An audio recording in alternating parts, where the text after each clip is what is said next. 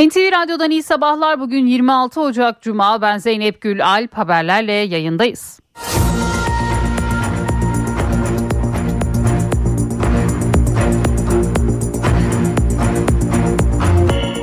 Cumhurbaşkanı Recep Tayyip Erdoğan meclisin ardından İsveç'in NATO'ya üyeliği kararını onayladı. Karar resmi gazetenin mükerrer sayısında da yayımlandı. İsveç Başbakanı Ulf Kristersson Türkiye'nin İsveç'in NATO'ya katılımına verdiği onayı memnuniyetle karşıladıklarını ve NATO üyeliği yolunda kritik bir eşiğin aşılmış olduğunu ifade etti.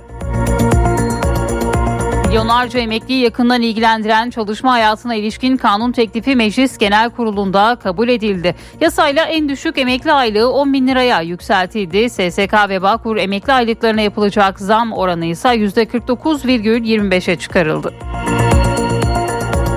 Yılın ilk Milli Güvenlik Kurulu toplantısında Türkiye'nin kararlılıkla uyguladığı milli güvenlik siyasetinin proje örgü, e, terör örgütleri üzerinden kurgulanan planlarla akamete uğratılamayacağının altı çizildi.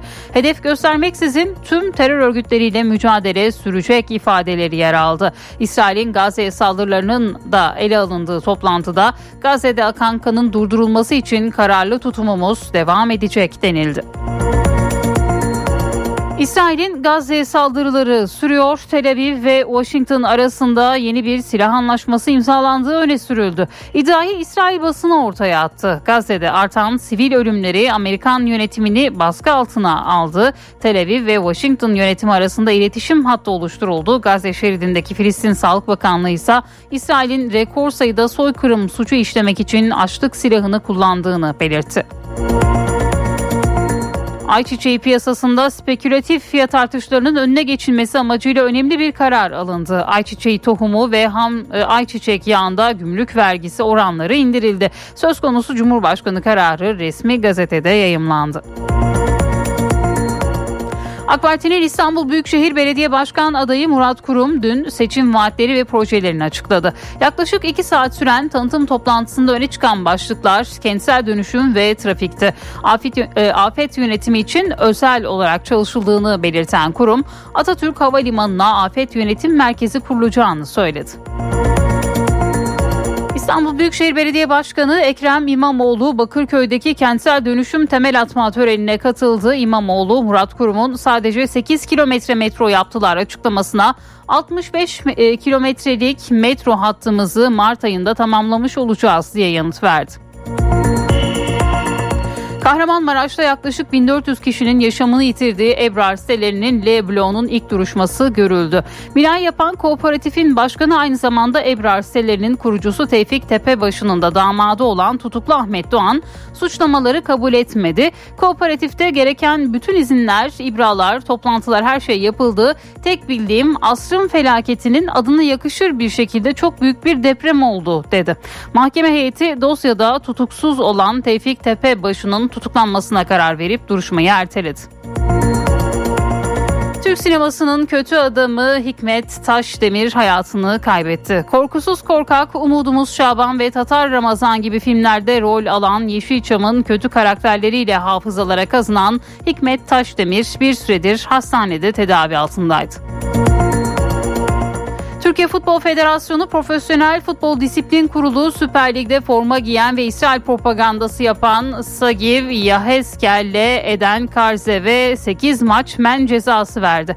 Ayrıca futbolcuların kulüpleri Antalya Spor'la Başakşehir'e 97.500 lira para cezası kesildi.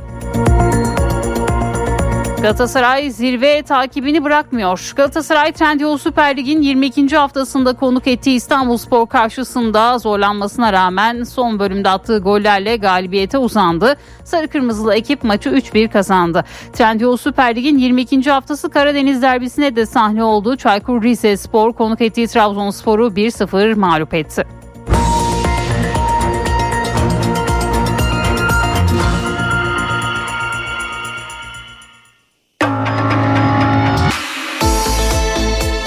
İşe giderken gazetelerin gündemi.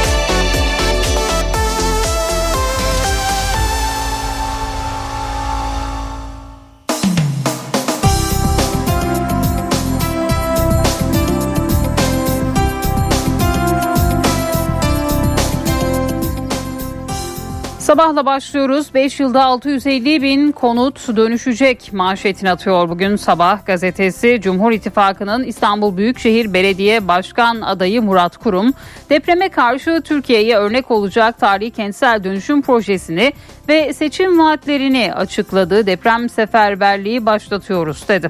Bu konutların 300 bini Kiptaş eliyle inşa edilecek. 15 Nisan'da başvurular alınacak. 700 bin lira hibe, 700 bin lira kredi desteği ve 100 bin lira taşınma yardımı verilecek. Evler 18 ayda teslim edilecek. 100 bin sosyal konut yapılıp kiraya verilecek diye duyurdu dün Murat Kurum. Bir diğer başlık yine Sabah gazetesinden Erdoğan'dan Güney Afrika'ya Lahey desteği. Cumhurbaşkanı Erdoğan Güney Afrika Cumhurbaşkanı Ramaphosa ile telefonda görüştü. Görüşmede Lahey'deki soykırım davası süreci değerlendirildi. Uluslararası Adalet Divanı soykırım davasında bugün ara karar verecek. Bir diğer haber İsrail'in sadist saldırıları Birleşmiş Milletler ve Dünya Sağlık Örgütü'nü çileden çıkardı artık yeter başlığıyla Han Yunus'ta kıstırdığı Filistinlileri sistematik şekilde katleden İsrail'in barbarlığı dünyayı çıldırtıyor. Sınır tanımayan doktorlar, Dünya Sağlık Örgütü ve Birleşmiş Milletler İsrail'in son katliamlarına böyle vicdansızlık olamaz diyerek isyan etti. Finlandiya Dışişleri Bakanı insanlar açlıktan ölüyor saldırıları durdurun şeklinde tepki gösterdi. Filistinli yetkililer gıda ve sağlık malzemesi stoğunun tamamen tükendiğini açıkladı diyor. Bugün yine bu haberde sabahta yer buluyor. Üçüncü sayfa haberi olmak istemiyorum bir diğer başlık Ege Üniversitesi'nden doçent Yusuf Yılmaz'ın dört ruhsatsız silahla yaptığı katliamın detayları ortaya çıktı. Korkunç olay göz göre göre geldi. Yaralı kurtulan eşi dört kez uzaklaştırma aldırdı ancak elektronik kelepçe başvurusu kabul edilmedi deniliyor sabahın ilk sayfasında. Hürriyet'in manşetinde Johnny çekilirse ne olur başlığını görüyoruz. Amerikan CNN Foreign Policy dergisi ve haber sitesi El Monitor Amerika'nın Suriye ve Irak'tan çekilme planları yaptığını öne sürdü. Türk uzmanlar çekilme iddialarını Hürriyet'e değerlendirdi. Uzmanlar Amerika'nın çekinmesi halinde bölgede neler olabileceğini anlattı. Emekli Büyükelçi Özülker, İsrail'in güvenliği Amerika'nın olmazsa olmazıdır. Amerika elini zayıflatacak bir adım atmaz dedi. Emekli Kor General Karakuş, Amerika'nın çekinmesi PKK'dan eteğini elini çekmesi olur ki bu BOP'a uymaz dedi. Profesör Doktor Hacı Salihoğlu da Amerika bölgedeki planlarından mı vazgeçti ki bölgeden çekilsin diye konuştu. Merkezden yılın ilk faiz kararı bir diğer başlık. Merkez Bankası politika faizini 250 bas puan artırarak %45'e çıkardı. Açıklamada enflasyon görünümü üzerinde belirgin ve kalıcı riskler oluşması durumunda parasal sıkılık gözden geçirilecektir denildi. Alper Uzay'a ne götürdün bir diğer başlık Uluslararası Uzay İstasyonu'nda bulunan Türk astronot Alper Gezer Avcı Amerika'nın Houston kentindeki Axiom Space'e canlı bağlanıp sorulara yanıt verdi. Gezer Avcı beraberinde hangi özel eşyalarını götürdün sorusuna Türk yörük kültürüne ait bazı semboller getirdim bir takım aile fotoğraflarım ve ilk filomun uçuş peçleri ve benim buraya gelmemi sağlayan bayrağımı dedi. Alper kanatların olmadan uçmak nasıl bir duygu sorusuna ise ilk saniyeden itibaren inanılmaz bir duyguydu yanıtını verdi Alper Gezer Avcı. Milliyetin manşetinde 5 yıldızlı sınav kampı başlığı yer buluyor. Bazı okullar 5 yıldızlı otellerde her şey dahil sınav kampı düzenliyor.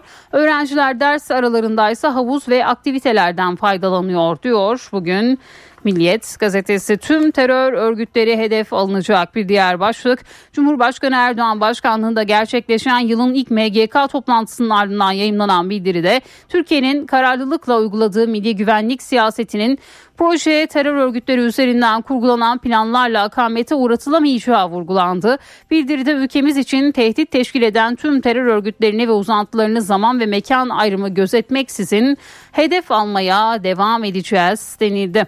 Depreme hazırlıkta Japonya çıtası bir diğer haber Marmara bölgesinde aktif fayların oluşturduğu tehlike ve riskler üzerine e, veri üretip detaylı bilimsel çalışmalar yürütmek için İş Bankası desteğiyle İTÜ bünyesinde kurulan Marmara Aktif Fay Tehlike ve Risk Uygulama ve Araştırmalar Merkezi dün tanıtıldı deniliyor ve yine bu haberde bugün Milliyet'te yer buluyor. Yeni Şafak manşetinde İstanbul'a söz başlığını görüyoruz. Cumhur İttifakı'nın İstanbul adayı Murat Kurum, ulaşım, kentsel dönüşüm, çevre ve sosyal konularda iddialı projeler açıkladı diyor Yeni Şafak gazetesi. Lahey'de karar günü Uluslararası Adalet Divanı Güney Afrika Cumhuriyeti'nin İsrail aleyhine açtığı soykırım davasında ihtiyati tedbir talebini bugün karara bağlayacak diyor Yeni Şafak gazetesi ve yine bu haberde ilk sayfasında yer buluyor. Osa'nın manşetinde pilotlar faciayı önledi başlığını görüyoruz. Kayseri'de bir askeri uçak eğitim uçuşunda aniden arızalandı ve hızla irtifa kaybetti. Zorunlu inişe geçen uçak yerleşim birimlerini ve araçları teğet geçip kalkış yaptığı pistin arazisine acil iniş yapmayı başardı. Pilotların ustalığı faciayı önledi diyor bugün posta. Sahte doktordan pes dedirten ifade bir diğer başlık. Adana Şehir Hastanesi güvenliği yaka kartında asistan doktor yazan CS adlı kadının hareketlerinden şüphelendi. Gözaltına alınan CS suçunu itiraf etti. Haftanın 3 günü fizik tedaviye gidiyordum. Hastanede rahat gezebilmek için kırtasiyede renkli fotokopiyle asistan doktor kimliği yaptırdım. Sadece asansör ve kafede kimliğimi takıyordum. Hasta muayene etmedim, odasına girmedim, suç işlemedim dedi ve bu haberde bugün postanın ilk sayfasında yer buldu. Cumhuriyet gazetesi uçuk vaatler manşetini atıyor. İktidarın yıllardır gündemde tuttuğu Kanal İstanbul'a değinmeyen Murat Kurum babalara ücretsiz ulaşım sözü verdi.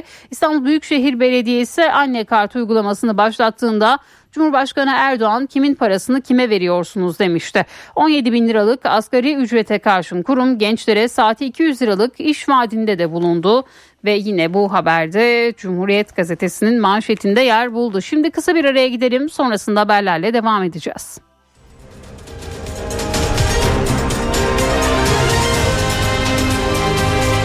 NTV Radyo Titanic Hotels köşedeki kitapçıyı sunar. Merhaba ben Adnan Bostancıoğlu. Türk Edebiyatı'nın önemli yazarlarından Memduh Şevket Esendal'ın öykülerinden bir derleme Otlakçı Türkiye İş Bankası Kültür Yayınlarından çıktı. Son bir yılda Esendal'ın kitapları çok sayıda yayın evi tarafından yayınlandığı için köşedeki kitapçıda da ondan sık söz ettik. Çok kısaca hatırlamak gerekirse. Memduh Şevket Esendal 1883 doğumlu. Mülkiye Mektebi'nin ikinci sınıfına kadar okudu ama düzenli ve sürekli bir okul hayatı olmadı.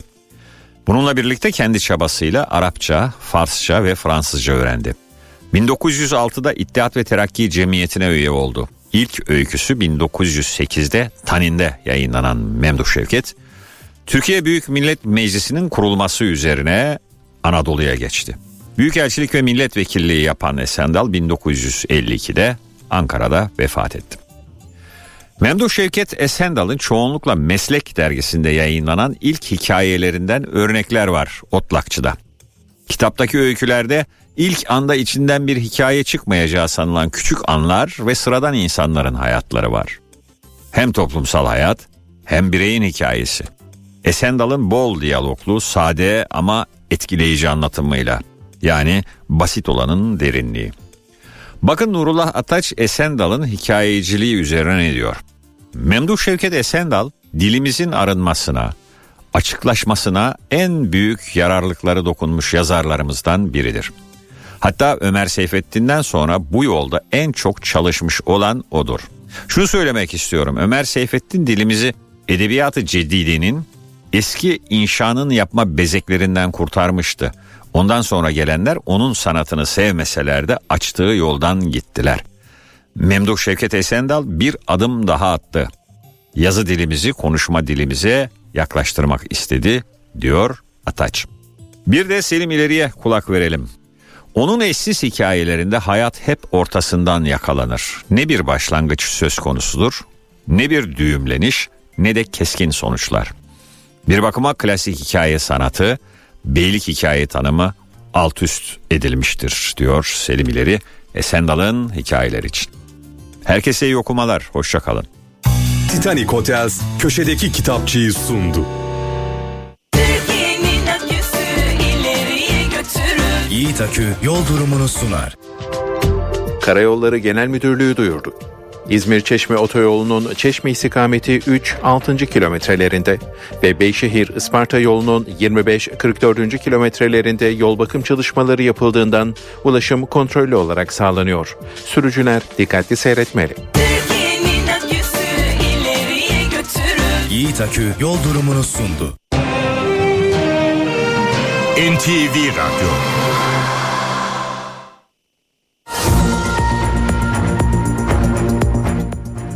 NTV Radyo'da haberleri aktarmayı sürdürüyoruz. Türkiye Büyük Millet Meclisi salı günü İsveç'in NATO'ya katılım protokolüne onay vermişti. Meclis onayı Cumhurbaşkanı Erdoğan tarafından imzalandı ve resmi gazetede de yayımlandı. Ayrıntıları Ankara'dan Ahmet Örsoğlu'ndan dinliyoruz. Türkiye Büyük Millet Meclisi'nde İsveç'in NATO'ya katılım protokolü onaylanmıştı. Öncesinde yine Dışişleri Komisyonu'nda süreç tamamlanmıştı ve Cumhurbaşkanlığına sevk edilmişti. Cumhurbaşkanının imzasıyla katılım protokolü onaylandı ve Türkiye açısından e, bu çekince ortadan kaldırılmış oldu. Konuyla ilgili İletişim Başkanlığından da açıklama yapıldı. Şu ifadelere yer verildi. Cumhurbaşkanımız Sayın Recep Tayyip Erdoğan, İsveç'in Kuzey Atlantik Anlaşması'na katılımına ilişkin Türkiye Büyük Millet Meclisi'nce kabul edilen kanunun yayınlanmasına karar vermiş ve İsveç'in NATO'ya katılım protokolüne ilişkin Cumhurbaşkanı kararını imzalayarak ilgili protokolü onaylamıştır ifadesini kullandı. Bu açıklamadan yaklaşık 30-40 dakika önce resmi gazetede karar yayınlandı ve o karar metnindeki cümleyi de aktarmakta fayda var. 5 Temmuz 2022 tarihinde Brüksel'de imzalanan Kuzey Atlantik Anlaşması'na İsveç Krallığı'nın katılımına ilişkin protokolün onaylanması uygun bulunmuştur ifadesi kullanıldı resmi gazetede. E bundan önce İsveç'ten NATO'ya katılım e, sürecine ilişkin olarak Türkiye'nin onay verebilmesi için bazı taleplerde bulunulmuştu. Onlardan bir tanesi İsveç'in terörle teröre e, arasına mesafe koymasına ilişkindi. Terörle mücadele etmesi istendi İsveç'ten. E, bu süreç işletildi. Türkiye tarafından kabul edildi. Yine terör suçlularının iadesi istenmişti. O iadelerden birkaçı gerçekleşti ve yine silah ambargosu en büyük sorunlardan bir tanesiydi. Bu anlaşma ile beraber silah ambargosu da kısa süre önce kaldırılmıştı. Şimdi Türkiye'nin önünde özellikle ABD ile yürütülen bir süreç var. F-16 modernizasyonu ve yeni F-16'ların Türkiye'ye satışına Senato tarafından izin verilmesi. Biden'ın bir mektubu vardı. Yine ABD Dışişleri Bakanlığı'nın da yazması beklenen bir mektup var. E, o mektuptan sonra e, resmen onay sürecinin de F-16 bakımından başlaması bekleniyor. Ahmet Örsoğlu Ankara'dan bildirdi. Yılın ilk Milli Güvenlik Kurulu toplantısı Beştepe'de yapıldı. Cumhurbaşkanı Recep Tayyip Erdoğan başkanlığındaki toplantının ana gündemi terörle mücadele oldu. Toplantının ardından yayınlanan bildiride terörle mücadelede kararlılık mesajı verildi. Yeni yılın ilk Milli Güvenlik Kurulu toplantısı Cumhurbaşkanı Recep Tayyip Erdoğan başkanlığında gerçekleştirildi. Beştepe'de 4 saate yakın süren toplantı sonrası yayımlanan bildiride terörle mücadelede kararlılık mesajı verildi. Toplantıda Türkiye'nin kararlılıkla uyguladığı milli güvenlik siyasetinin proje terör örgütleri üzerinden kurgulanan planlarla akamete uğratılamayacağının altı çizilmiştir. Ülkemiz için tehdit teşkil eden tüm terör örgütlerini ve uzantılarını uluslararası hukuktan kaynaklanan haklarımız çerçevesinde zaman ve mekan ayrımı gözetmeksizin hedef almaya devam edeceğimiz bir kez daha hatırlatılmıştır. Açıklamada terörle mücadelede işbirliği çerçevesinde Irak'la süren temaslar da hatırlatıldı. Toplantıda komşumuz Irak ile artan temaslarımızın terör örgütleriyle mücadelede atılacak somut adımlar başta olmak üzere müşterek coğrafyamızda huzurun sağlanmasına yönelik gayretleri tahkim ettiği ifade edilmiş, bölgemizdeki tüm ülkelerin refahını teminat altına alacak olan kalıcı barış ve istikrarın ancak terörden arındırılmış bir güvenlik ortamının tesis edilmesiyle mümkün olabileceği değerlendirilmiştir. Toplantının diğer bir gündem maddesi ise İsrail'in Gazze'de gerçekleştirdiği saldırılardı. Bildirde İsrail'in katliamları sürdürmesinin bölgedeki barış ve güvenlik ortamıyla hassas dengeleri bozacağına ve çatışmaların yayılmasına neden olacağına vurgu yapıldı. Ayrıca başta Birleşmiş Milletler olmak üzere Gazze'de işlenen insanlık suçlarına engel olamayan uluslararası sistemin ıslah edilmesinin acil olduğu belirtildi. Toplantıda Rusya-Ukrayna savaşındaki son durum da masaya yatırıldı. Acil ve kalıcı barış için Türkiye'nin mevcut riskleri bertaraf etmeyi amaçlayan uygulamalarını Montreux rejimi çerçevesinde sürdüreceği belirtildi. MGK bildirisinin son maddesi ise Türkiye'nin uzay çalışmalarına ayrıldı. Savunma sanayindeki başarılarımızın yanı sıra uzayda attığımız adımlarla taçlandırılan bilim ve teknolojideki atılımlarımızın, yarınların teminatı olan çocuklarımızın hayalleri, gençlerimizin azmi ve ülkemizin yüksek potansiyelinden istifade edilerek kararlılıkla sürdürüleceği vurgulanmıştır. Milyonlarca emekliyi yakından ilgilendiren çalışma hayatına ilişkin kanun teklifi Meclis Genel Kurulu'nda kabul edildi. Yasayla en düşük emekli aylığı 10 bin liraya yükseltildi. SSK e, ve Bağkur emekli aylıklarına yapılacak zam oranı %49,25'e yükseldi. Emekli aylıklarında artış yapılmasını da öngören çalışma hayatına ilişkin yasa teklifi Meclis Genel Kurulu'nda kabul edildi. Yasayla en düşük emekli maaşı 7500 liradan 10 bin liraya yükseltildi. Memur emeklilerinin aylık artışıyla SSK ve Bağkur emekli aylıklarına yapılacak artışlar eşitlendi. Buna göre SSK ve Bağkur emekli maaşlarında %49,25 artış yapıldı. Yasayla asgari ücret desteği 2024 yılında 700 lira olarak uygulanacak. Sigortalıların kısa çalışma ödeneğinden yararlanabilmesi için gereken askeri prim ödeme gün sayısı 600'den 450'ye indirilecek. Kadın, genç ve mesleki yeterlilik belgesi sahibi olan işsizlerin istihdamının desteklenmesi için verilen teşvik 31 Aralık 2025'e kadar devam edecek. Uygulamanın 31 Aralık 2026'ya kadar uzatılabilmesi için Cumhurbaşkanına yetki verilecek. Meclis Genel Kurulu'nda kabul edilen yasa onayı için Cumhurbaşkanı Recep Tayyip Erdoğan'a gönderildi. Cumhurbaşkanı Erdoğan'ın onayı ve resmi gazetede yayınlanmasının ardından emeklilerin Ocak ayı maaş farkları hesaplara yatırılacak. Merkez Bankası yılın ilk toplantısında politika faizini beklentilere paralel olarak 2,5 puan artışla %45'e yükseltti. Karar metninde gerekli parasal sıkılık düzeyine ulaşıldığı ve faiz artırımlarında sona gelindiği mesajı verildi. Merkez Bankası politika faizini 2,5 puanlık artışla beklentilere paralel olarak %42,5'ten %45 seviyesine yükseltti. Faiz artırımları Hafize Gaye Erkan'ın göreve geldiği 2023'ün Haziran ayında başlamıştı. %8,5 olan politika faizi son toplantıyla birlikte %45'e yükselmiş oldu. Daha yüksek bir faiz arttırımı da gelebilirdi. Ocak-Şubat enflasyonları, olası yüksek enflasyonlar göz önüne alınarak ama o da piyasada böyle bir soru işareti e, yaratırdı. Yani o yol haritasını bozmak istemezlerdi. O nedenle 250 bas puanlık bir faiz arttırımı geldi piyasanın beklediği gibi. Banka faiz artırımlarında sona gelindiği mesajını verdi. Karar sonrası yayınlanan metinde dezenflasyonun tesisi için gerekli parasal sıkılık düzeyine ulaşıldı. Politika faizinde mevcut seviye aylık enflasyonda belirgin düşüş sağlanana dek sürdürülecek ifadeleri kullanıldı. Kurul bu ifadelere ek olarak enflasyon görünümüne bağlı olarak parasal sıkılığın gözden geçirileceğini de vurguladı parasal sıkılık düzeyine ulaştık diyor Merkez Bankası. Net bir şekilde zaten eğer bir risk görülürse enflasyonda e, ilave hamleler yapılabilir, gerekli sıkılaştırma yapılabilir e, cümlesinde yer vermişler. Bu da önemliydi. Bu da şahin bir cümle. Artık Merkez Bankası biraz bekle gör politikasına geçmiş durumda. Merkez Bankası enflasyon görünümüne ilişkin iyileşmenin sürdüğünü ifade etti. Yurt içi talepteki dengelenme öngörülen dezenflasyon süreciyle uyumlu dedi. Ayrıca cari dengedeki iyileşme, Türk lirası varlıkları olan talep ve döviz kurundaki istikrarın para politikasına katkıda bulunduğu belirtildi.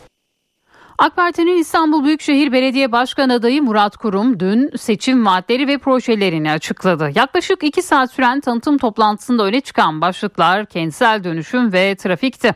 Afet yönetimi için özel olarak çalışıldığını belirten kurum Atatürk Havalimanı'na afet yönetim merkezi kurulacağını söyledi tam 650 bin konut inşa edeceğiz.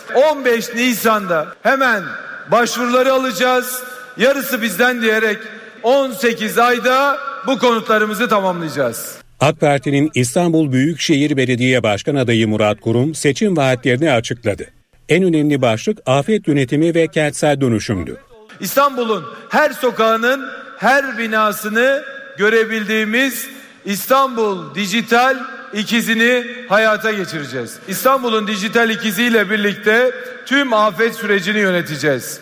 Atatürk Havalimanı'nda yeni bir afet yönetim merkezi kuruyoruz. Afet zamanında yüz binlerce vatandaşımızı aynı anda ağırlayacak toplanma alanı olarak hizmet verecek. Afet önlemleri çerçevesinde İstanbul'un iki yakasına birer acil durum hastanesi daha yapılacağını belirten Murat Kurum, fahiş kira artışına karşı düşük gelirleri korumayı amaçlayan projesini de açıkladı. Kentsel dönüşüme özel 100 bin sosyal konut üreterek dönüşüme girecek yuva sahiplerine bu konutları çok düşük fiyatlarla kiralayacağız. Bu projelerimizden 39 ilçemiz faydalanacak. Kurumun açıkladığı afete dirençli İstanbul projesi, konuklar arasında da yer alan deprem uzmanı jeolog Profesör Doktor Naci Görür'ün raporu doğrultusunda hazırlandı. Murat Kurum'un 5 ve 10 yıllık olmak üzere iki ayrı proje hazırladığı başlıksa İstanbul trafiğiydi. Kurum İstanbul'un iki yakasına tünel yapılacağını vaat etti. Bu tünellerin uzunluğu 122.2 kilometre olacak. 328 kilometre metro hattını 2029'a kadar 650 kilometreye çıkaracağız. Silivri'ye metrobüs geliyor. İlk 5 yılın sonunda azalacak olan İstanbul trafiği 10 yılın sonunda bir daha geri dönmemek üzere son bulacaktır. Ortalama yolculuk süresi 64 dakikadan 39 dakikaya düşecek. Açıklanan 14 başlık arasında kadın ve çocuklar, gençler, engelliler ve yaşlılara yönelik projeler de vardı. 7 gün 24 saat nöbetçi kreş hizmeti veriyoruz. Annelere verilen ücretsiz ulaşım hakkını değiştiriyoruz. 0-6'ya çıkarıyoruz. Hem de babalarımıza da çocuklarıyla ücretsiz seyahat hakkı veriyoruz. 1 Nisan sabahı gençlerimize yüzde 40 ulaşımda indirim yapacağız. İstanbul'a 6 yeni baraj yapılacağını söyleyen kurum, Esenler Otogarı'nı millet bahçesine dönüştürmek istediklerini söyledi. Murat Kurum İstanbul'da taksi ve başıboş köpek sorunlarının da farkında olduğunu ve çözüm için projeler geliştirdiklerini açıkladı. İstanbul Büyükşehir Belediye Başkanı Ekrem İmamoğlu ise Bakırköy'deki kentsel dönüşüm temel atma törenine katıldı. İmamoğlu Murat Kurum'un sadece 8 kilometre metro yaptılar açıklamasına 65 kilometrelik metro hattımızı Mart ayında tamamlamış olacağız diye yanıt verdi. Biz İstanbul İttifakı için yola çıkıyoruz ve İstanbul İttifakı'nın oyuna talibiz diyerek İstanbul'un tamamını bu şehrin bütün insanlarını bu sürece kattığım gibi bugün yine aynı yerdeyim. İstanbul Büyükşehir Belediye Başkanı Ekrem İmamoğlu Bakırköy İncirli'deki temel atma törenine katıldı. Kentsel dönüşümün önemine vurgu yaptı. Depremde korkulan değil, güvenli yuvalarında yaşama dönüştüren bir başlangıcı sağlıyoruz. Her dönüşen bir daire İstanbul ortalamasında dört canı kurtarmak demektir. Bizim motivasyonumuz sadece bu. İmamoğlu program sonunda basın mensuplarının sorularını yanıtladı. AK Parti adayı Murat Kurum'un sadece 8 kilometre metro yaptılar açıklamasına yanıt verdi. 65 kilometrelik metro hattımızı tamamlamış olacağız Mart ayında. Matematiği bile unutarak siyaset yapan arkadaşların nasıl unutkan olduklarını e, Kanal İstanbul e, sorusuna verdiği cevapla görebilirsiniz. E, onlar e, bazı oy ve seçim öncesi zarar verecek ve düne kadar hararetle e, savundukları her şeyi bir anda unutan insanlar. Çok önemli değil benim açımdan verdiği rakam veya sayı. İstanbulluların vicdanı gerekeni yapacak. İyi Parti İstanbul Büyükşehir Belediye Başkan adayı Buğra Kavuncu seçim çalışmalarına başladı. Fatih Camii'nde sabah namazı kılarak seçim çalışmalarına başlayan Başkan adayı Kavuncu ardından Fatih Sultan Ahmet e, Sultan Mehmet Han türbesini ziyaret etti. Ziyaretleri sonrasında Fatih esnafıyla bir araya geldi ve seçim vaatlerinden bahsetti. Basın mensuplarının sorularını da yanıtladı. Kavuncu siyasette rekabet millete fayda getirir. İstanbul dışında hiçbir odağımız olmayacak dedi. DEM Parti Merkez Yürütme Kurulu toplandı. iki gün sürecek toplantıda yerel seçim adayları üzerinde durulacak. HDP eski eş genel başkanı Selahattin Demirtaş'ın eşi Başak Demirtaş'ın İstanbul adaylığıyla ilgili değerlendirmenin de bu toplantıda yapılacağı açıklanmıştı. Toplantının ilk gününde yerel seçim stratejisi ve yapılacak kampanyanın ana hatları belirlenecek. MYK toplantısının ikinci gününde ise özellikle batı illerinde çıkarılacak adaylar masaya yatırılacak. CHP ile kent uzlaşısı e, çerçevesinde heyetler arasındaki görüşmenin sonuçları da değerlendirilecek. Başak Demirtaş İstanbul adaylığı için parti uygun görürse düşünebilirim açıklamasını yapmıştı. Bu açıklamada MYK'da değerlendirilecek. NTV Radyo Malatya'da dün 5,2'lik deprem oldu. Çevre kentlerde de hissedilen sarsıntı kısa süreli paniğe yol açtı. Bazı binalarda küçük çaplı çatlaklar oluştu. Sarsıntıyı hisseden koşmaya başladı. Çok sayıda vatandaş can havliyle kendini dışarı attı. Malatya'da saat 16.04'te 5,2 büyüklüğünde deprem meydana geldi. Yerin 13 kilometre derinliğinde oluşan depremin merkez üssü Battalgazi ilçesiydi. Şiddetli sarsıntı Malatya ve ilçelerinin yanı sıra Diyarbakır ve Gaziantep'te de hissedildi. Geçen yıl 6 Şubat depremlerinden etkilenen çok sayıda vatandaş yaşadıkları korku nedeniyle uzun süre evlerine giremedi. Şu an dışarıdayız. Ee, biraz bekleyelim. Çünkü daha önce daha büyüklerini yaşadık. Herhalde bu korku bizi götürecek. Psikolojimiz gitti, ruhumuz gitti, her şeyimiz gitti. Daha önceki depremden iş yerim yıkıldı, ağaç, karşı, bina yıkıldı, ne bileyim. Depremde can kaybı ya da yaralanan olmadı. AFAD ekipleri hasar olup olmadığının tespiti için kent genelinde tarama başlattı. İlk belirlemelere göre yıkım yok ancak bazı binaların duvarlarında ve sıvalarında çatlaklar oluştu. Peki ya 5,2'lik depremin daha büyük bir depremi tetikleme ihtimali var mı? NTV'ye konuşan Profesör Doktor Cenk Yaltırak depremin kısa bir fay hattı üzerinde meydana geldiğini bu nedenle yeni bir depremi tetikleme ihtimalinin düşük olduğunu söyledi. Bu e, Doğu Anadolu fayının kuzeyinde bulunan yaklaşık e, kuzeybatı güneydoğu uzanan e, bir tektonik çizginin hemen yakınında olmuş bir deprem. Bu anlamıyla baktığınız zaman münferit bir deprem olarak varsayılabilir. Çünkü fayın uzunluğu da fazla değil. 10 kilometre kadar gözüküyor. Kredi kartı borçları rekor kırıyor. Bireysel kredi kartı borçları geçen yıla göre %157 arttı. 1 trilyon 200 milyar liraya yükseldi. PDDK'dan kredi kartlarında ilk kısıtlayıcı adım geldi. Kaç tane kredi kartınız var? 3 tane. Borç var mı üçünde de? Tabii ki var. Yani birinden kapatıp diğerini ödüyoruz. Sonra diğerini ödüyoruz vesaire. Kredi kartı borcu bir yılda 1,2 trilyon liraya ulaştı. Kullanım hacmi 3 katına çıktı. Vatandaş borçlanarak alışveriş yapıyor. Oo, oğlum batmak üzere olmaz mı? 2-3 karttan yet yetiremiyor oradan çek oradan çek. Banka kredi faizlerindeki artış ve krediye erişimde yaşanan sorunlar vatandaşı kredi kartına yönlendirdi. Bankacılık Düzenleme ve Denetleme Kurumu 13 Ocak 2023 ile 12 Ocak 2024 tarihleri baz alındı. Buna göre 13 Ocak 2023 haftasında bireysel kredi kartı hacmi 462 milyar 866 milyon liraydı. Ve bir yıl sonra yani 12 Ocak 2024 haftasıyla kıyaslandığında bireysel kredi kartı borcu %157 oranında arttı ve borç 1 trilyon 200 milyar liraya yükseldi. Duydum, duydum ve çok edici rakamlar gerçekten. insanlarımızın bence daha dikkat etmesi gerekiyor. Gayet normal. %257 olmadığına şükretmemiz lazım. Herkesin durumunu görüyoruz, çevremizden de görüyoruz, insanları görüyoruz ama yapacakları bir şey yok. Nakit paraları olmadığı için herkes kredi kartı kullanıyor mecburen. Ödeyebileceğim şekilde kullanıyorum. Kendime bir limit koydum. O şekilde kullanıyorum. Onu aşmamaya gayret gösteriyorum. Formülü bu mu? Aynen öyle bence o. Limit aşarsak gidiyor. Bir yılda ödeme grupları içinde en fazla harcama market ve alışveriş merkezlerinde oldu. Harcama tutarı 136,5 milyar lira. Doğru, doğru temel ihtiyaçlar. Genelde markette çok giriyor. Market alışverişi çünkü çok pahalı. Evet ben de genelde markette kullanıyorum. Başka şeyde çok kullanmıyorum. Kredi kartlarında yaşanan bu rekor artışın ardından Bankacılık Düzenleme ve Denetleme Kurumu kısıtlayıcı ilk adımını attı. Yeni düzenlemeye göre mevduat ve katılım bankaları kanıtlanabilir onay veya talep olmaksızın kişiler adına kredile hesap dahil herhangi bir hesap açamayacak. Kredile hesabın limitini artıramayacak.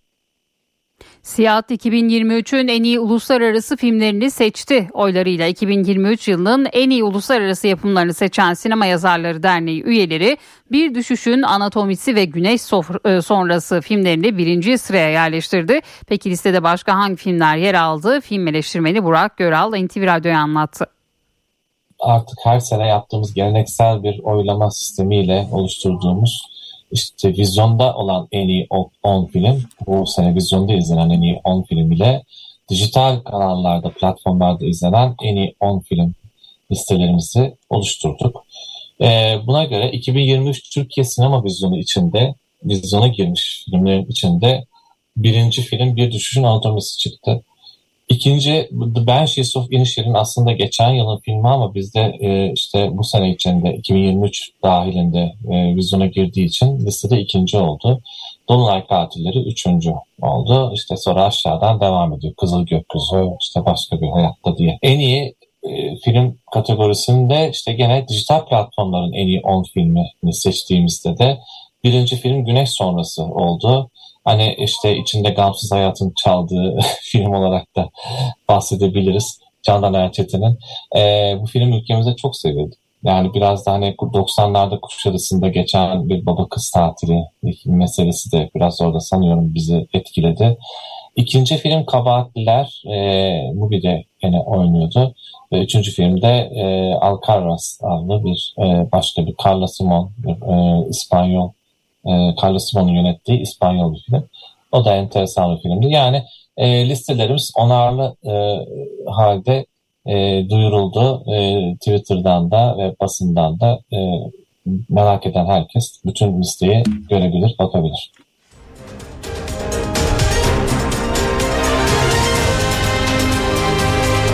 NTV Radyo HDI Sigorta İstanbul'un yol durumunu sunar. HDI Sigorta İstanbul'da trafikte yoğunluk haritası %56'yı gösteriyor. 15 Temmuz Şehitler Köprüsü'ne giderken Anadolu'dan Avrupa'ya geçişte Çamlıca Beylerbeyi arasında sabah yoğunluğu var. Fatih Sultan Mehmet Köprüsü'ne giderken de Çavuşbaşı Kavacık arası yoğun. Her iki köprüde de Anadolu'dan Avrupa'ya geçişte bir araç yoğunluğu gözleniyor. Avrasya Tüneli ise çift taraflı açık. Avrupa yakasına gelindiğinde E5'te Şirinevler Cevizli Bağ arasında hafif ve akıcı bir trafik var. Sem'de ise Bahçeşehir Altınşehir arasında sabah yoğunluğu var. Yolda olanlara iyi yolculuklar.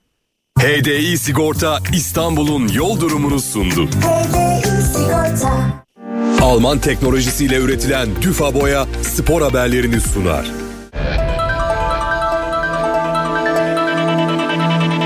Galatasaray Trendyol Süper Lig'in 22. haftasında konuk ettiği İstanbul Spor karşısında geriden gelerek kazandı. Sarı Kırmızılılar rakibini 3-1 mağlup etti. Galatasaray İstanbul Spor karşısında sonradan açıldı. Birlik bir galibiyet e, bizim için tabii ki sevindirici ama e, özellikle bu tür oyunlara karşı e, daha iyi olmamız gerekiyor. Sarı Kırmızılar Süper Lig'in 22. hafta maçında konuk ettiği İstanbul Spor'u 3-1 yenerek puanını 57'ye yükseltti ve zirve takibini sürdürdü. Gol perdesinin 28. dakikada konuk ekip adına Sambisa açtı. 36. dakikada Kerem Aktürkoğlu penaltı golüyle Galatasaray'a eşitliği getirdi. Kerem 79. dakikada bu kez serbest vuruştan sahneye çıktı ve takımını 2 birlik üstünlüğe taşıdı. 88. dakikada İstanbul Spor'dan Mendy direkt kırmızı kartlı oyun dışında kaldı. 90 artı 2. dakikada maçın skorunu tayin eden golü ikinci yarının başında oyuna giren Mauro Icardi penaltı ile belirledi. İç sahadaki yenilmezlik serisini 28 maça çıkartan Galatasaray ligdeki son 10 maçında mağlubiyet yüzü görmedi. Karşılaşmanın ardından Galatasaray Teknik Direktörü Okan Buruk transfere dair açıklamalarda bulundu. Sol bek mevkine takviye yapmak istiyoruz. Bir kere Angel e, ayrılacak gibi gözüküyor. Oraya takviye yapmak istiyoruz. Saşa çok ayrılmasından yana değiliz. E, tabii ki ben teknik adam olarak. Ama e, burada oluşacak şartlar kulübün e, geleceği için önemli bir rakam gelirse bunu değerlendirecek olan e, başkanımız ve yönetim kurulumuz var. Olursa da tabii ki biz de o bölgeye de tabii takviye yapmak isteyeceğiz. Lider Fenerbahçe'nin averajla gerisinde olan Galatasaray Süper Lig'de sıradaki maçında Gaziantep Futbol Kulübü'nü konuk edecek. Karşılaşma pazartesi günü saat 20'de oynanacak. Trendyol Süper Lig'in 22. haftası Karadeniz derbisine sahne oldu. Çaykur Rizespor konuk ettiği Trabzonspor'u 1-0 mağlup etti. Ev sahibi ekibe galibiyeti getiren golü 78. dakikada Dalveresanovic attı. Çaykur Rizespor bu sonucun ardından ligdeki puanını 35'e yükseltti ve 5. sıradaki yerini korudu. Üst üste ikinci kez mağlup olan Trabzonspor ise 37 puanda kalarak 3. sırada yer aldı. Bordo Mavililer Trendyol Süper Lig'deki sıradaki maçında Kasımpaşa'yı konuk edecek. Avrupa Kupalarının yeni yayıncısı belli oldu. Şampiyonlar Ligi, Avrupa Ligi ve Konferans Ligi TRT kanalları ve TRT dijital platformu tabii de yayınlanacak. Türk takımlarının Avrupa maçları şifresiz olarak TRT1 ve TRT Spor'dan yayınlanacak. 2024-2025 sezonunda Türkiye'den toplam 5 takım Avrupa Kupalarına katılacak. Şampiyonlar Ligi'ne 2, UEFA Avrupa Ligi'ne 2 ve Avrupa Konferans Ligi'ne ise bir takım gidecek. Teniste sezonun ilk Grand Slam'i Avustralya açıkta kadınlar finalinin adı kondu. Set kaybetmeden yoluna devam eden son şampiyon Arina Sabalenka 10 yıl sonra finale yükselen ilk Çinli olmayı başaran Jian Qinwen'le karşılaşacak. Alman teknolojisiyle üretilen zemin boyası Düfa Boya spor haberlerini sundu. Saat 8 Türkiye ve Dünya gündeminde bu saate kadar öne çıkan başlıklara bir haber turuyla bakacağız. Kastamonu'nun Taşköprü ilçesinde yolcu otobüsü tarlaya devrildi. Kazada 4 kişinin öldüğü, çok sayıda kişinin de yaralandığı belirlendi. Ekiplerin otobüsten çıkardığı yaralıların çevredeki hastanelere sevki sürüyor. Cumhurbaşkanı Recep Tayyip Erdoğan meclisin ardından İsveç'in NATO'ya üyeliği kararını onayladı. Karar resmi gazetenin mükerrer sayısında da yayımlandı. İsveç Başbakanı Kristersson, Türkiye'nin İsveç'in NATO'ya katılımına verdiği onayı memnuniyetle karşıladıklarını ve NATO üyeliği yolunda kritik bir eşiğin aşılmış olduğunu ifade etti. Milyonlarca emekliyi yakından ilgilendiren çalışma hayatına ilişkin kanun teklifi Meclis Genel Kurulu'nda kabul edildi. Yasayla en düşük emekli aylığı 10 bin liraya yükseltildi. SSK ve Bağkur emekli aylıklarına yapılacak zam oranı ise %49,25'e çıkarıldı. Yılın ilk Milli Güvenlik Kurulu toplantısında Türkiye'nin kararlılıkla uyguladığı milli güvenlik siyasetinin proje terör örgütleri üzerinden kurgulanan planlarla akamete uğratılamayacağının altı çizildi. Hedef göze- gözetmeksizin tüm terör örgütleriyle mücadele sürecek ifadeleri yer aldı. İsrail'in Gazze'ye saldırılarının da ele alındığı toplantıda Gazze'de akan kanın durdurulması için kararlı tutumumuz devam edecek denildi. İsrail'in Gazze saldırıları sürüyor. Tel Aviv ve Washington arasında yeni bir silah anlaşması imzalandığı öne sürüldü. İddiayı İsrail basını ortaya attı. Gazze'de artan sivil ölümleri Amerikan yönetimini baskı altına aldı. Tel Aviv ve Washington yönetimi arasında iletişim hattı oluşturuldu. Gazze şeridindeki Filistin Sağlık Bakanlığı ise İsrail'in rekor sayıda soykırım suçu işlemek için açlık silahını kullandığını belirtti. Ayçiçeği piyasasında spekülatif fiyat artışlarının önüne geçilmesi amacıyla önemli bir karar alındı. Ayçiçeği tohumu ve ham ayçiçek yağında gümrük vergisi oranları indirildi. Söz konusu Cumhurbaşkanı kararı resmi gazetede yayımlandı.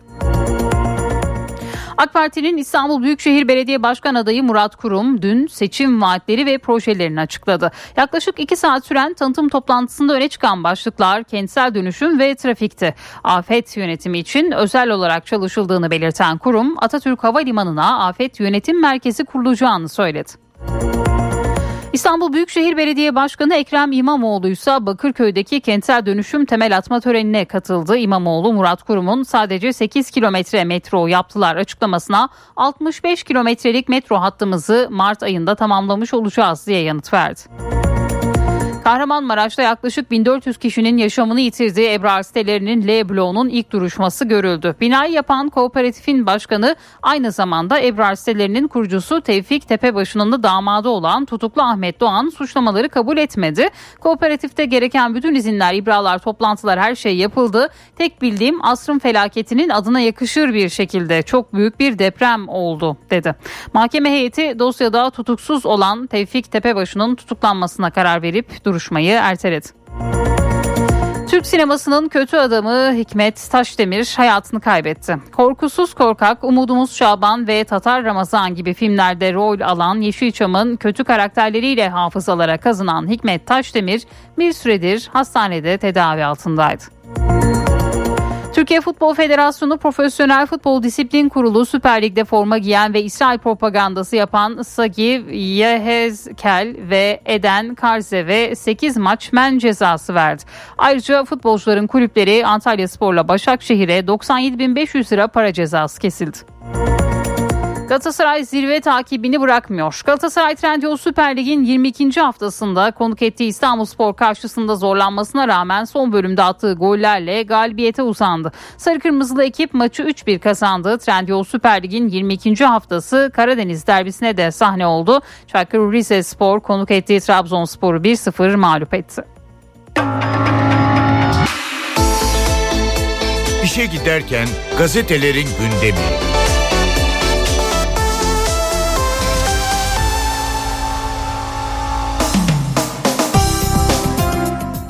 Sabahın manşetinde 5 yılda 650 bin konut dönüşecek başlığını görüyoruz. Cumhur İttifakı'nın İstanbul Büyükşehir Belediye Başkan adayı Murat Kurum, depreme karşı Türkiye'ye örnek olacak tarihi kentsel dönüşüm projesini ve seçim vaatlerini açıkladı. Deprem seferberliği başlatıyoruz dedi.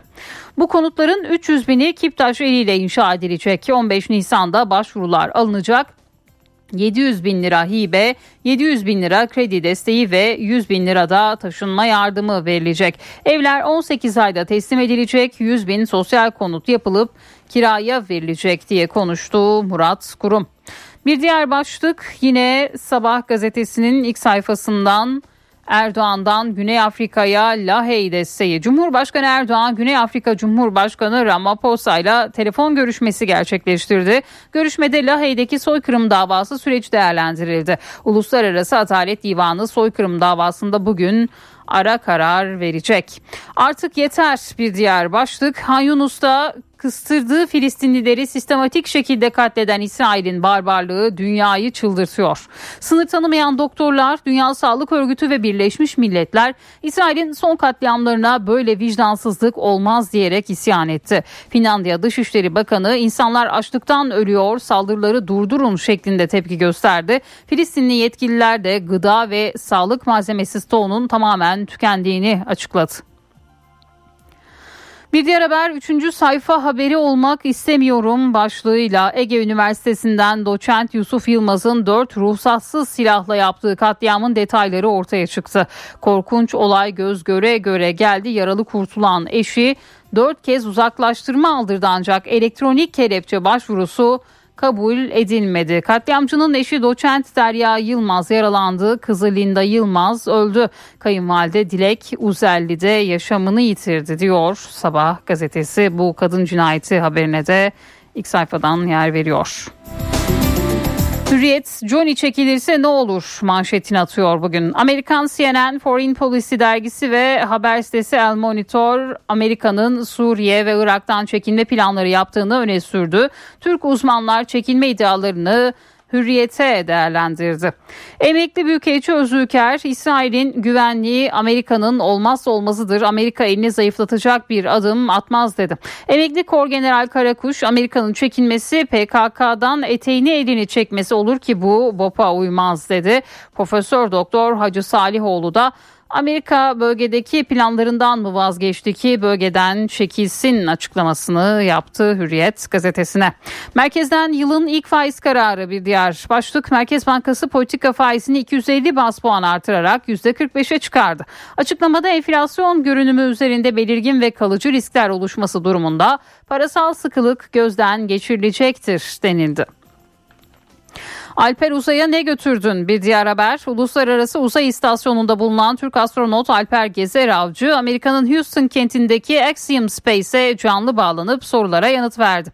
Gezer Avcı beraberindeki hangi özel eşyaları götürdün sorusuna Türk yürü kültürüne ait bazı semboller getirdim. Bir takım aile fotoğraflarım ve ilk filomun uçuş peçleri ve benim buraya gelmemi sağlayan bayrağımı dedi. Alper kanatların olmadan uçmak nasıl bir duygu sorusuna ise ilk saniyeden itibaren inanılmaz bir duygu yanıtını verdi. Alper Gezer Avcı.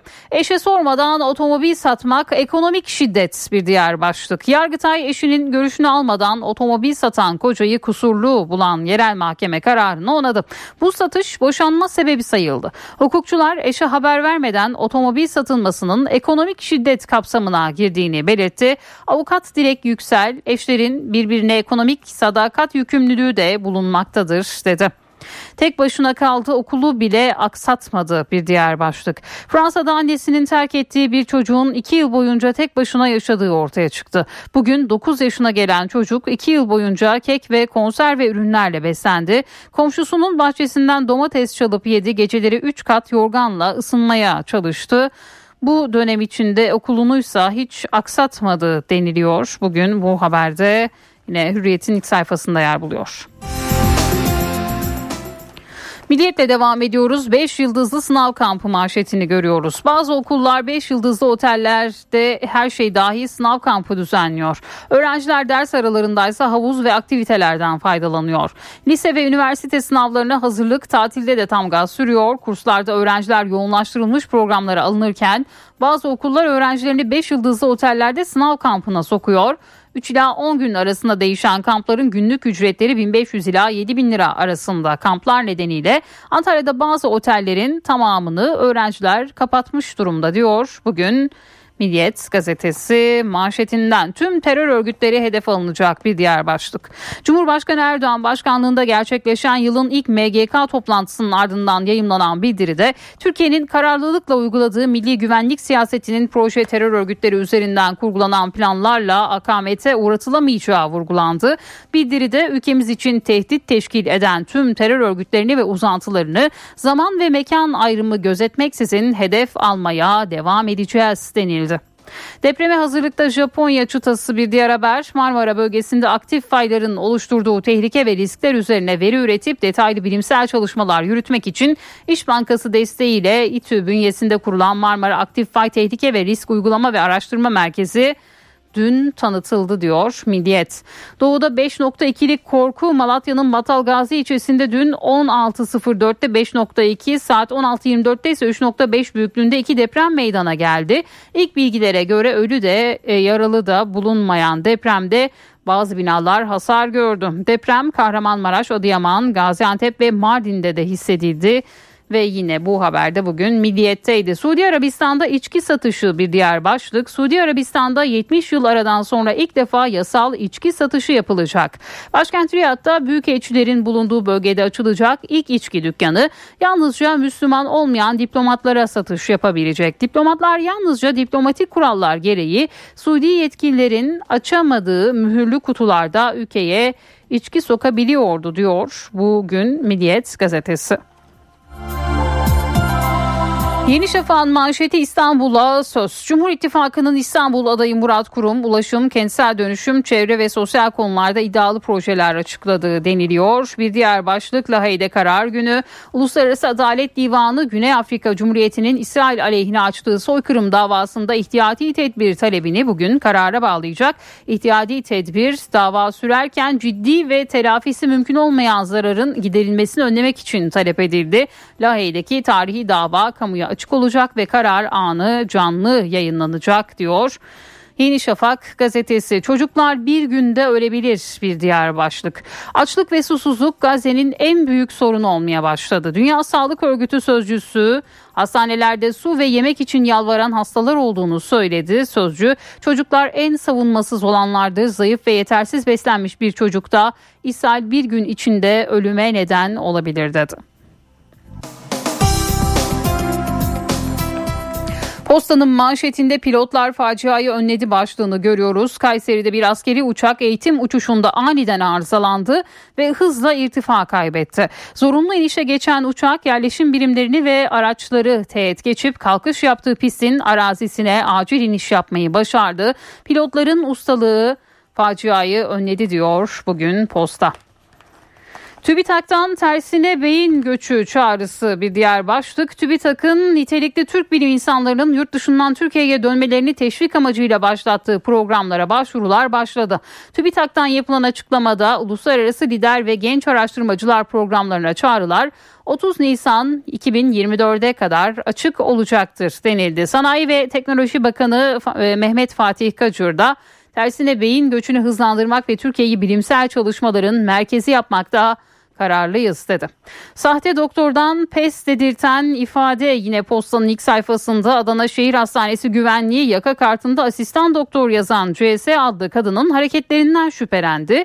Gözaltına alınan CS suçunu itiraf etti. Haftanın 3 günü fizik tedaviye gidiyordum. Hastanede rahat gezebilmek için kırtasiyede renkli fotokopiyle asistan doktor kimliği yaptırdım. Sadece asansör ve kafede kimliği takıyordum. Hasta muayene etmedim, odasına girmedim, suç işlemedim dedi dedi ve yine bu haberde bugün Posta gazetesindeydi. Cumhuriyet'in manşetinde uçuk vaatler başlığı yer buluyor. İktidarın yıllardır gündemde tuttuğu Kanal İstanbul'a değinmeyen Murat Kurum babalara ücretsiz ulaşım sözü verdi. İstanbul Büyükşehir Belediyesi anne kart uygulamasını başlattığında Cumhurbaşkanı Erdoğan kimin parasını kime veriyorsunuz demişti. 17 bin liralık asgari ücrete karşın kurum gençlere saati 200 liralık iş vaadinde bulundu diyor Cumhuriyet gazetesi.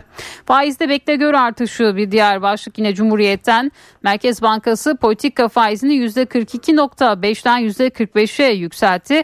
Yapılan açıklamada parasal sıkılık düzeyine ulaşıldığı vurgulandı. Risklere dikkat çekildi. Uzmanlar büyüme ve istihdam konularına değinilmediğine dikkat çekerek neoliberal duruş sergileniyor dedi ve yine bu haberde Cumhuriyet gazetesinin ilk sayfasında yer aldı. Bugün bir başlığı daha aktaralım. Emekçiler eylemi değerlendirecek. Başta geçim koşulları olmak üzere iş barışını bozan gelişmelere karşı emekçiler eyleme hazırlanıyor. 1 milyondan fazla üyesi bulunan Türk İş Yönetimi pazartesi günü tüm sendika genel başkanlarının katılımıyla yol haritasını belirleyecek diyor bugün Cumhuriyet gazetesi. Evdeki Hesap. Profesör Murat Ferman hafta içi her gün ekonomideki güncel gelişmeleri NTV Radyo dinleyicileri için yorumluyor. Günaydın Sayın Ferman, mikrofon sizde. Zeynep Gül günaydın, iyi bir gün, iyi yayınlar diliyorum. E, Merkez Bankası'nın para politika kurul toplantısı dün gerçekleştirildi. E, bu tür kararlar parasal politikaların önemli bir bacağı olan gösterge faiziyle ilgili kararlar öteden beri ilgi çekiyor. Tabii bu bütüncül ekonomi politikalarının sadece sahne önünde olan herkesin üzerinde ahkam kesmekten, yakından takip etmekten hoşlandığı bir parçası ama sadece bir parçası. Bunu hiçbir zaman unutmamak gerekiyor. Çünkü Türkiye gibi dolarizasyonun yüksek olduğu çift paralı ekonomilerde bir para üzerinden, ulusal para üzerinden e, gösterge faizinin düzenlenmesi sınırlı etki gerçekleştiriyor. Çünkü herkes sokakta da size enflasyonun ne olacağını sormuyor. Doların ne olacağını soruyor. Çünkü hepimiz onlarca yıldır ekonomik gidişatı dolar üzerinden okuyoruz. Daha evvel belki mark üzerinden okuyorduk. Ama netice itibariyle e, Türk lirasının enflasyonla bulaşık, enflasyonla dejenere edilmiş, enflasyonla güçsüz e, düşürülmüş durumu karşısında elbette alternatif yatırım araçlarına, alternatif değerlere, alternatif çıpalara, dolara molara, altına maltına, güvercin pisliği gibi gümüş parçalarına vatandaş maalesef eğilim göstermek veya bel bağlamak zorunda kalıyor. Evet dün Türkiye Cumhuriyet Merkez Bankası beklentilere paralel bir e, kararla e, 250 biplik bir artış gerçekleştirdi. Böylece 7 e, faiz arttırma halkasının 8. baklası veya halkası da eklenmiş olarak 36.50 santim uzunluğunda veya isterseniz faiz boyutunda bir faiz arttırım zincirinin son halkasını da görmüş olduk. Bu son halka e, mecazi anlamda değil, gerçek anlamda da anlaşılıyor ki metinden e, yola çıkılarak bir müddet e, bu şekilde bu uzunlukta kalmaya devam edecek. Çünkü e, gecikmeli etkilerin yani bu politikaların gecikmeli etkileri de beklenecek. Tabii e, Merkez Bankası'nın böyle adeta ortada kuyu var yandan geç e, tabiriyle yaklaşımıyla uzakta durduğu ifade etmediği bir unsur var. Seçimlere haftalar kaldı. Seçimden hemen önce böyle fazla sıkılaştırıcı, Merkez Bankası'nın hiç sevmediğim terimiyle sterilize edici politikalara pek yer kalmaz. Hem zaten enflasyonun getirdiği bu bulaşıklık, bu dejeneratif ortamda, bu bozucu ortamda, kontamine edici ortamda dünyadaki hiçbir ek sterilizasyon aracı veya tedbiri de istenilen sonucu hemen almaz. E, bundan tam 10 ay evvel 26 Mart 2023'te e, kaleme aldığı makaleyle tanıttığımız şirinflasyon, şirinkflasyon, gridflasyon gibi geniş enflasyon ailesi üyeleri, geniş etkiler düşünülmeden bunlar tek başına sterilize edilemez. Hem zaten seçim ekonomisi sattığım halinde miktarsal sıkılaştırmaya vesaireye de pek nefes, soluk kalmaz. Derman kalmaz. E, dolayısıyla Merkez Bankası'nın en az iki çeyrek daha bekle gör politikasını sürdüreceğini e, belirtmekte herhalde beis yoktur. Tabii ben e, samimiyetle e, PPK özetinin veya karar metninin bir parça daha oylumlu, bir parça daha yön gösterici olmasını isterdim ama belki de şimdi sterilizasyon, bekle gör politikasını uygulama zamanıdır. Merkez bankaları sadece kararlarıyla konuşmak veya konuşulmak durumunda olurlarsa iyi olur diyelim. Çünkü kötü olan bir ortamda, enflasyonla bulaşık bir ortamda iyiye her zamankinden çok ihtiyacımız var. Bu genel bilgi paylaşımı ve değerlendirme çerçevesinde değerli dinleyenlerimize katma değeri yüksek ve yüksek katma değerli bir gün ve esenliklerle dolu bir hafta sonu diliyor. Huzurlarınızdan hürmetlerle ayrılıyorum. Profesör Murat Ferman'la evdeki hesap sona erdi. Kaçırdığınız bölümleri www.ntvradio.com.tr adresinden dinleyebilirsiniz. Dünya markası Bras çatı sistemleri finans bültenini sunar. Borsa İstanbul Güz Endeksi 8169 seviyelerinde. Dolar 30.30, Euro 32.89'dan işlem görüyor. Euro dolar paritesi 1.08. Altının onzu 2021 dolar. Kapalı çarşıda gram altın 1970, çeyrek altın 3341 liradan satılıyor. Brent petrolün varil fiyatı ise 82 dolar. Dünya markası Bras çatı sistemleri finans bültenini sundu. NTV Radyo Benzersiz duvarlar artık hayal değil. Sandeko Boya hava durumunu sunar. Ülkede soğuk hava devam ediyor. Yağışlar daha geniş alana yayılıyor. İstanbul ve Bursa'da yağmur geçişleri başkentte ise kısa süre kar bekleniyor. İstanbul 7, Ankara 4, Bursa 8 derece olacak. Bugün İzmir ve Antalya bulutlu. Sıcaklıklar biraz daha arttı. Hafta sonu da yağsız geçecek. İzmir 14, Antalya 17 derece olacak. Eşsiz boya, eşsiz mekanlar. Sandeko Boya hava durumunu sundu.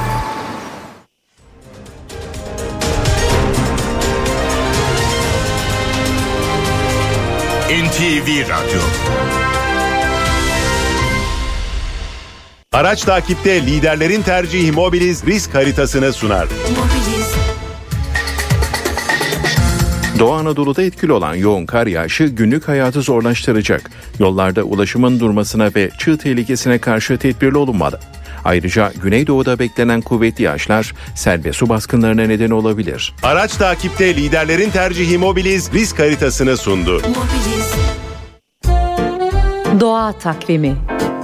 Bugün 26 Ocak 2024 Cuma. NTV Radyo iyi günler diler. Size göre dünyada şu anda çözülmesi gereken en büyük gizem ne? İngiliz The Guardian gazetesi bu soruyu doğa ve çevre için çalışan bilim insanlarına sordu. Oxford Üniversitesi'nden ekosistem uzmanı Profesör Yadvinder Malhi'nin çözülmesini istediği en büyük gizem şu oldu. Hayvanlar dünya gezegeninin işleyişini ne kadar şekillendiriyor? Şöyle diyor Profesör Malhi. Tozlaşma veya tohumların yayılması gibi bazı yolları biliyoruz. Ancak besinlerin döngüsü, seçilerek tüketilmesi, yırtıcı hayvanların ve av olanların karmaşık ilişkileri gibi pek çok incelikli yol var. Daha geçen ay örümceklerin ağlarındaki tohumların volkanik bir patlamanın ardından bitkilerin nerede büyüyeceğini ve ekosistemlerin nerede toparlanacağını öğrendim. Sonuçta bu hayvan biyom veya küresel düzeyde maddeyi ne kadar etkiliyor? İngiltere'deki Doğa Tarihi Müzesi'nin yönetim kurulu başkanı Sir Patrick Wallace'ın çözülmesini istediği en büyük gizemse şu. Hangi türler iklim krizine uyum sağlayacak, hangi türler sağlayamayacak? Sir Wallace, türlerin iklim krizine uyum sağlamasına yardımcı olmak için ne yapılabileceğini öğrenmek istiyor. Çünkü bu cevapların gelecekte doğal dünyanın nasıl görüneceğini belirleyeceğini, aynı zamanda biyolojinin nasıl geliştiğine dair önemli bilgiler vereceğini söylüyor. Sizin çözülmesini istediğiniz en büyük gizem ne? Doğa takvimi NTV Radyo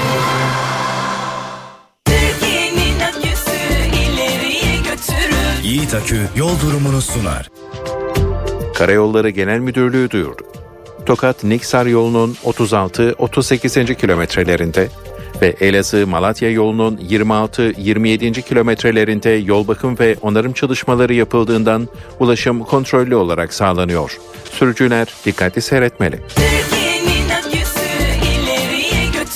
Yiğit Akü yol durumunu sundu.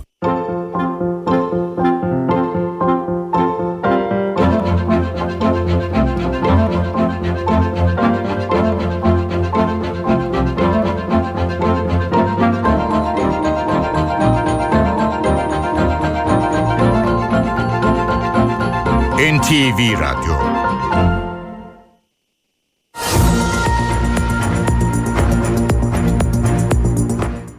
NTV Radyo'da haberleri aktarmayı sürdürüyoruz. Kastamonu'nun Taşköprü ilçesinde yolcu otobüsü tarlaya devrildi. Kazada 4 kişinin öldüğü, çok sayıda kişinin de yaralandığı belirtiliyor. Ekiplerin otobüsten çıkardığı yaralıların çevredeki hastanelere sevki sürüyor.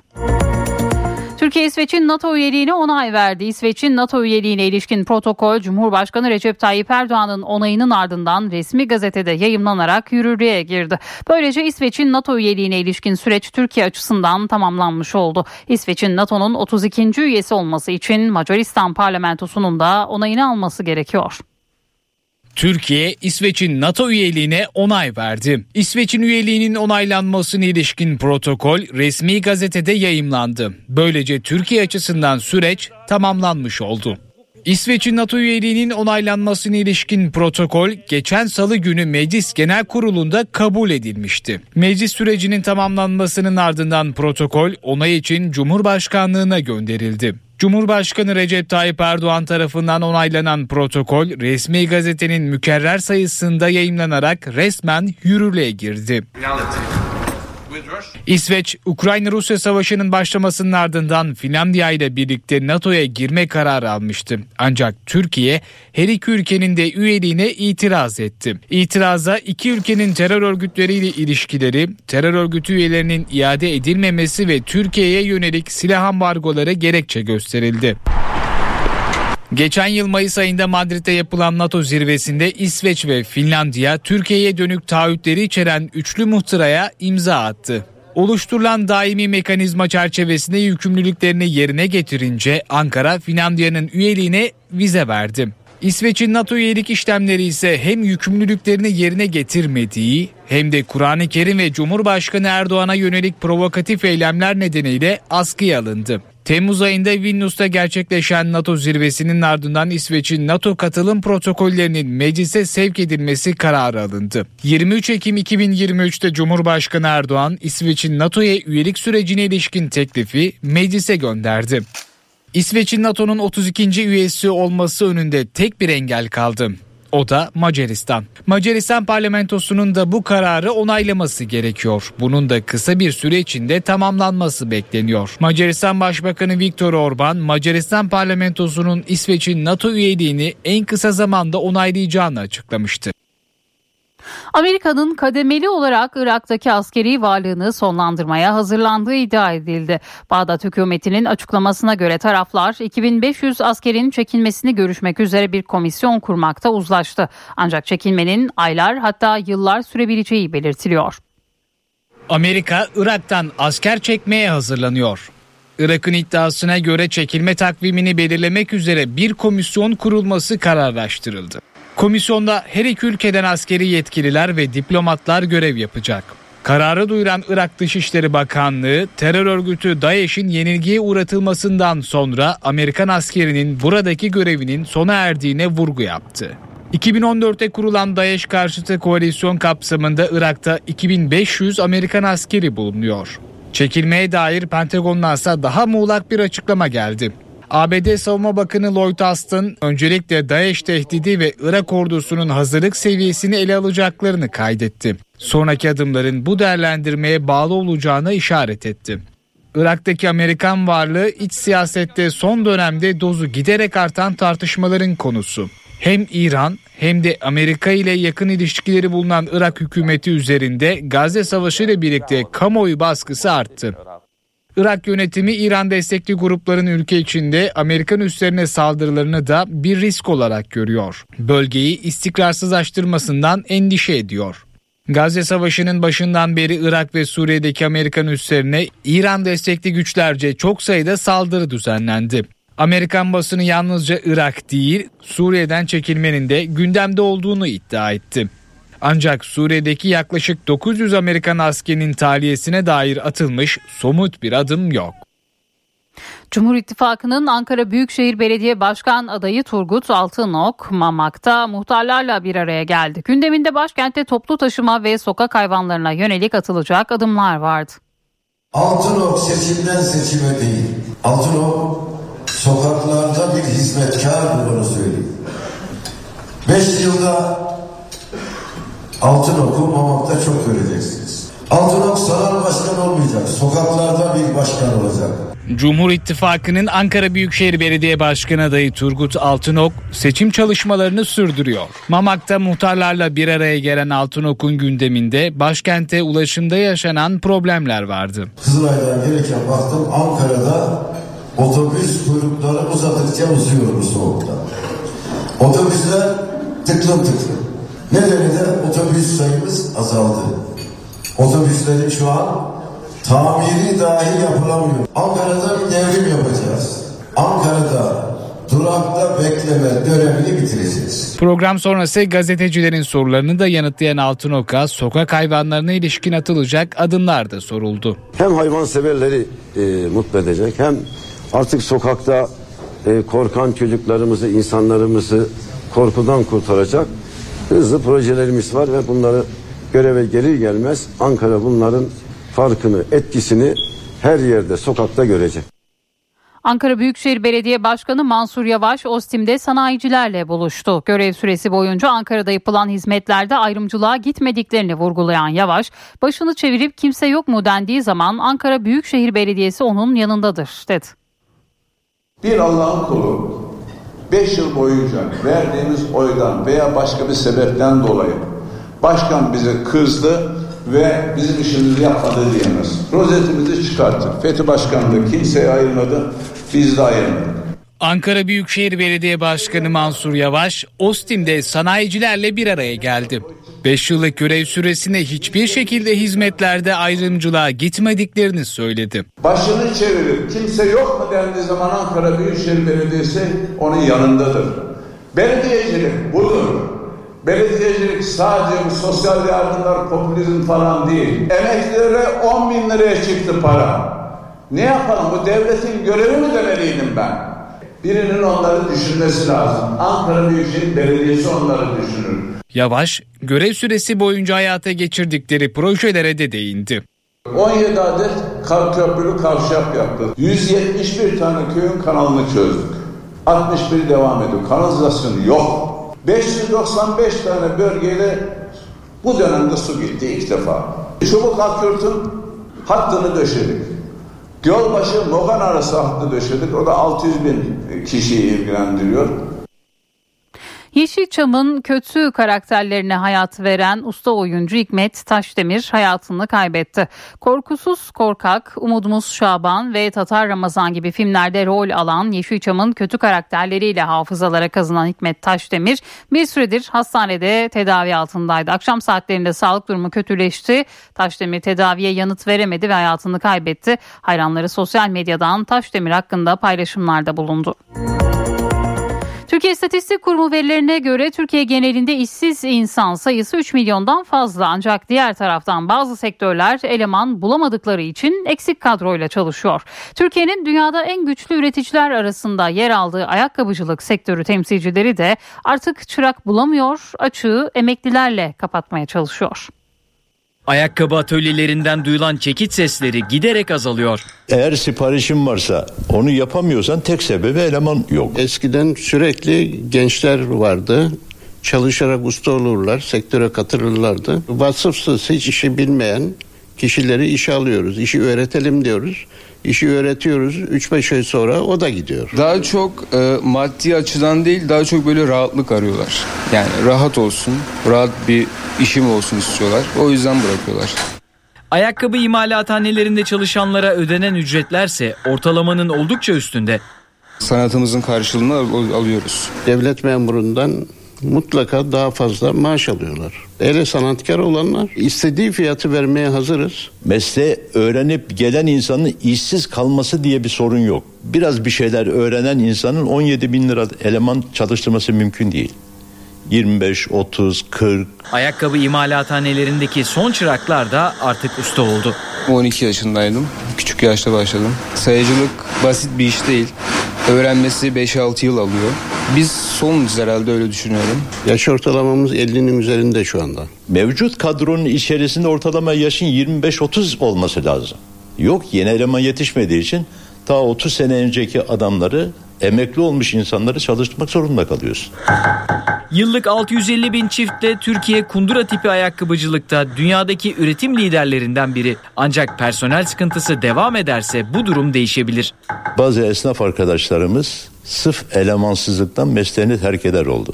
Bu işler ya yurt dışına kayacak ya uzak doğuya kayacak. Ayakkabıda ithalatçı bir ülke konumuna geleceğiz.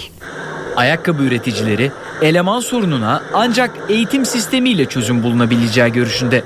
Yeni gençlerin birçoğu üniversite mezunu biliyorsunuz. Üniversite mezunu olan bir insan gelip ayakkabıcılık hayalinden geçmiyor. Emek yoğun bir meslek. Vasıfsız elemanlarla yapacağım bir iş değil. Dolayısıyla bir eğitimden geçmesi lazım. Bu eğitimin hükümetin planında olması lazım. İşverenler ayakkabıcılık meslek liselerinden mezun olanların sayısının da sektörün talebini karşılamadığına dikkat çekiyor.